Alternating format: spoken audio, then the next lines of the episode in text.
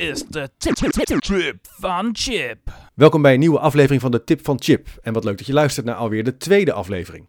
In deze podcast geef ik je in vogelvlucht overzicht en inzicht hoe je praktisch werk kunt maken van verandering, leren en innovatie in organisaties.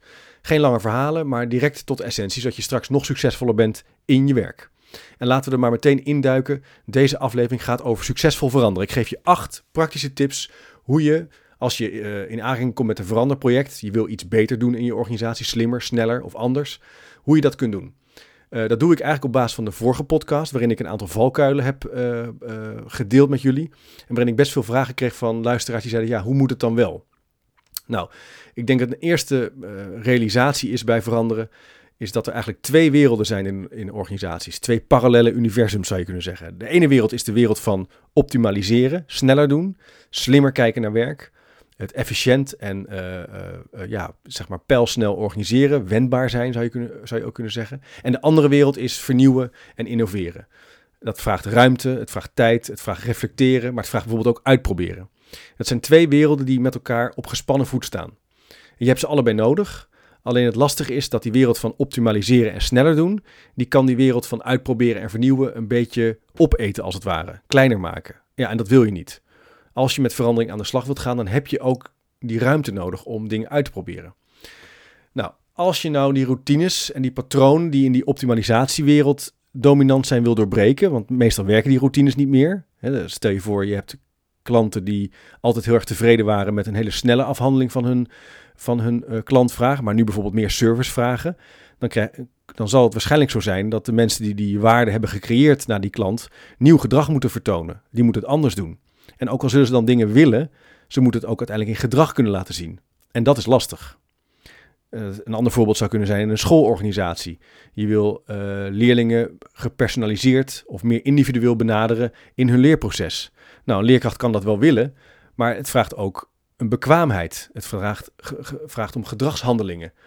En dat moet je toch eigen maken, kunnen uitproberen. En dat is dus weer iets anders dan gewoon slim en handig je klassensysteem en je klas inrichten.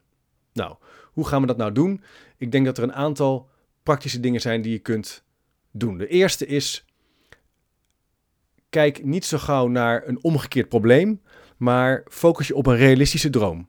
De meeste veranderplannen starten met grote, uh, uh, grote ja, bijna niet te behalen dromen zeg maar de stip op de horizon waar ik het in de vorige podcast over heb. Ik zou zeggen, maak dat kleiner en maak er een realistische droom van.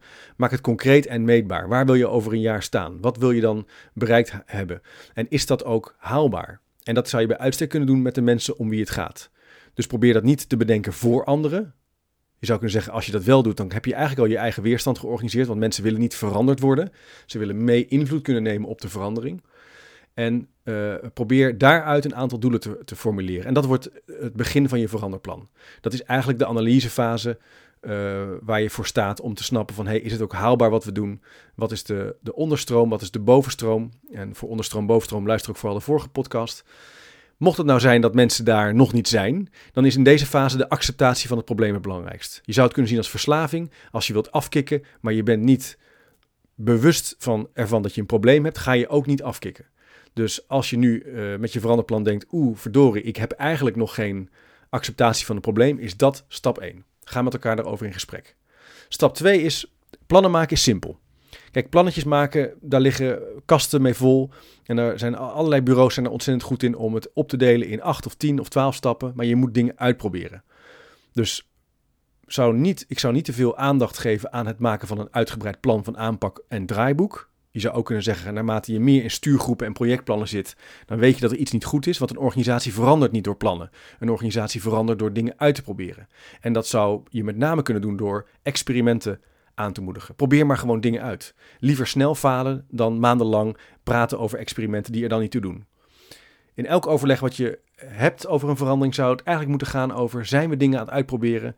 Wat is ons gelukt? Wat is ons niet gelukt? En wat hebben we ervan geleerd? Een veranderplan, voor zover er een plan is, zou dus meerdere experimenten moeten bevatten en niet eenzijdige, uh, een eenzijdige aanpak. Dat was punt 2. Nou, nu, punt 3. Je hebt ook te accepteren dat je waarschijnlijk zelf de veroorzaker bent van het probleem. In verandermanagement hebben we sterk de neiging om anderen de schuld te geven. Kijk maar in de politiek, maar kijk ook maar in organisaties. Ik doe het eigenlijk wel goed. Het probleem ligt bij anderen. Meestal is dat niet waar.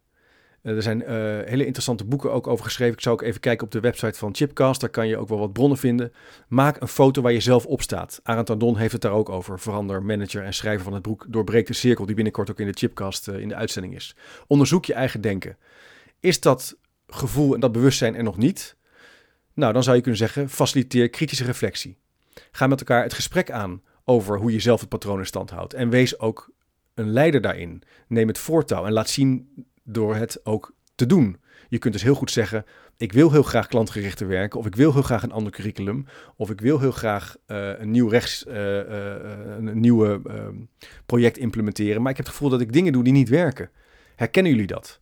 Door het voortouw te nemen en te laten zien dat je jezelf op de foto zet, zullen anderen dat ook gaan doen. Dat is punt 3. Punt 4 is in de verslavingszorg een belangrijke interventie. Probeer niet met dezelfde vrienden om te gaan.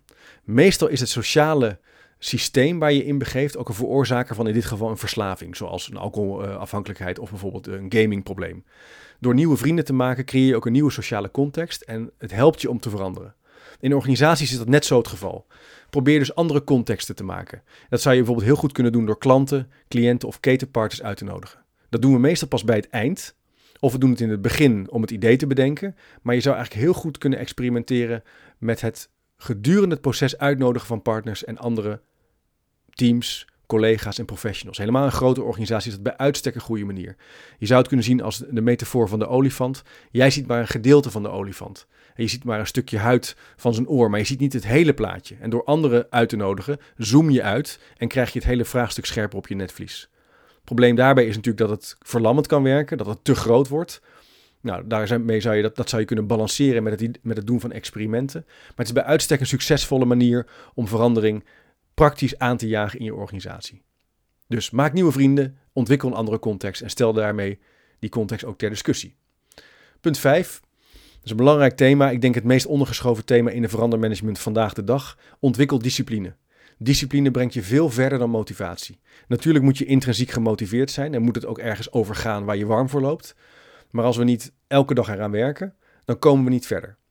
En dit punt uh, wordt ook verder verkend in het boek van Jocko Willink, Discipline Equals Freedom, waarin hij uh, een Navy SEAL-veteraan uh, teams bestudeert die hij heeft begeleid in, voordat ze op, ja, op, op, op, op missie gaan. En ontdekt dat die discipline een enorme voorspeller is van succes. Als je elke dag 10 minuten werkt aan klantgericht te worden, of elke dag één klant belt, of twee klanten belt, of één klein onderdeel doet van die curriculumherziening, kom je veel verder dan elke drie weken in een stuurgroep te gaan zitten of in een projectteam. Dus doe het elke dag. omarm dat er kleine stappen zijn. Wees ook realistisch in die kleine stappen en dan hebben ze opgeteld een heel groot effect. Het duurt wel wat langer, maar je komt veel verder. Punt 6. Verander je routines en je dagelijkse patronen. Je routines zijn aan de ene kant belangrijk in die efficiëntiewereld om voor te, vooruit te komen. Aan de andere kant staan ze leren dus ook in de weg. Je zult sterk geneigd zijn steeds hetzelfde te blijven doen. En door je routines te onderzoeken en te verkennen en mogelijk aan te passen, verander je dagelijkse patronen en kom je meer in de richting van de verandering die je wilt. Nou, dan krijg, je, krijg ik best wel vaak de vraag van ja, maar moet je al die routines dan uh, zomaar overboord gooien? Nou, dat denk ik helemaal niet. Je zou hierbij de 80-20 regel kunnen toepassen. 80% van je werk ga je een beetje hetzelfde doen. Daar hoef je niet zoveel in te veranderen.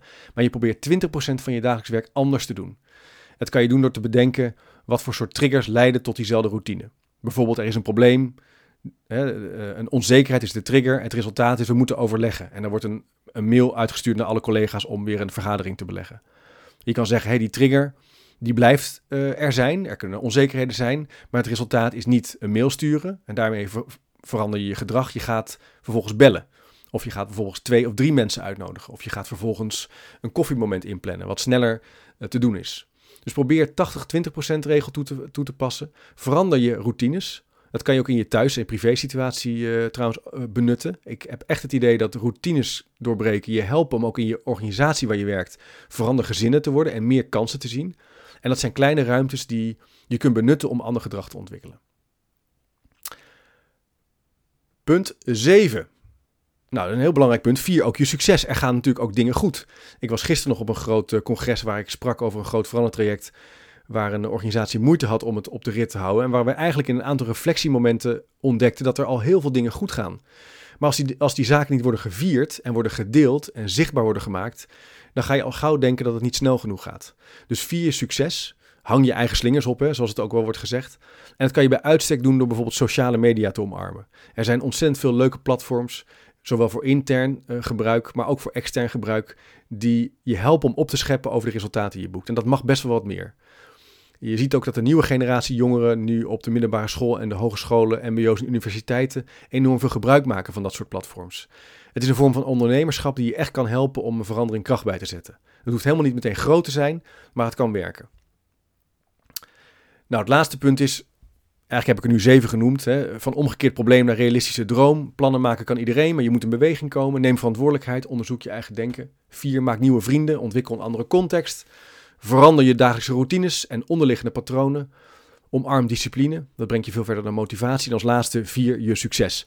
Maar ik zou ook willen zeggen, vermijd ook de risicocontext. Als er plekken zijn waar je leegloopt in je, in je energie en je gevoel hebt, daar moet het juist, gebeurt het juist helemaal niet, zou ik zeggen, nou dan moet je ook minder komen. Dus probeer contexten te maken die interessant zijn en aantrekkelijk zijn, waarvan jij het gevoel hebt dat werkt. En dan zal je zien dat dat misschien dat mensen misschien gaan fronsen als je dat doet.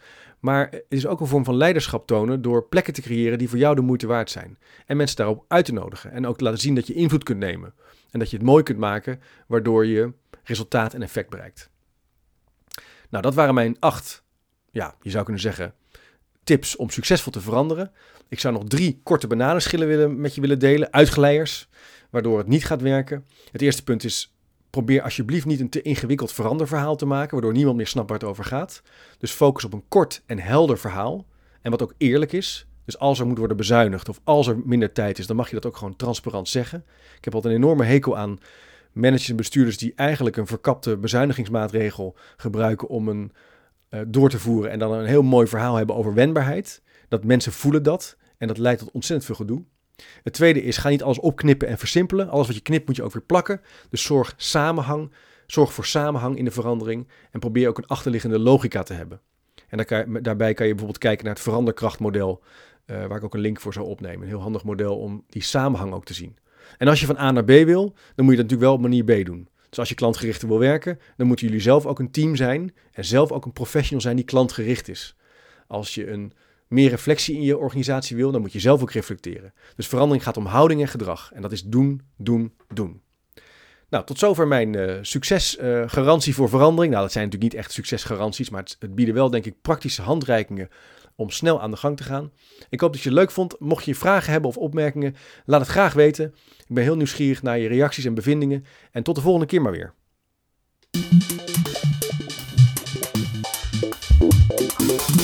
Dit is de Trip van Chip.